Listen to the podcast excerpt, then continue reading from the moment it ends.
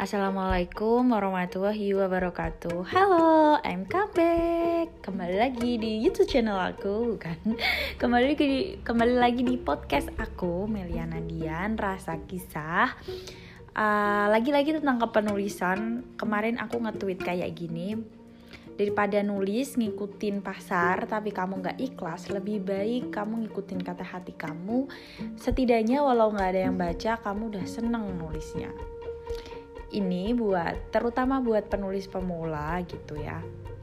Kalau kamu udah ngikutin pasar, udah bikin cerita sekarang tuh kan yang, yang lagi rame cerita yang set-set, yang set ending yang apa yang nangis nangis terus apa lagi nih? Kalau religi itu yang gus gus gitu ya. Kamu udah ngikutin itu tapi kamu nggak dapat pembaca kamu nggak dapat apa yang kamu mau gitu.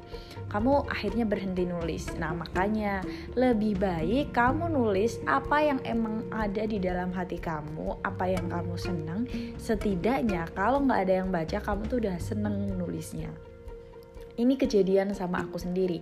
Sekarang genre religi, religi lagi rame Gus. Oke, aku sebenarnya udah nulis Gus sih di Diaku Imamku sama Sayap Surgaku, tapi ada satu nih cerita Gus yang harus aku tulis judulnya punya Ian dan Nugraha. Ini uh, masih ada saudaraan lah sama Diaku Imamku. Itu harusnya pas dong sekarang momennya Gus lagi naik, harusnya aku nulis itu.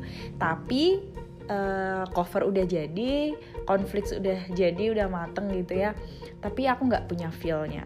Akhirnya aku memutuskan buat nulis Princess Become a Princess. Karena emang aku lagi seneng itu, emang aku lagi apa ya cinta gitu sama cerita itu.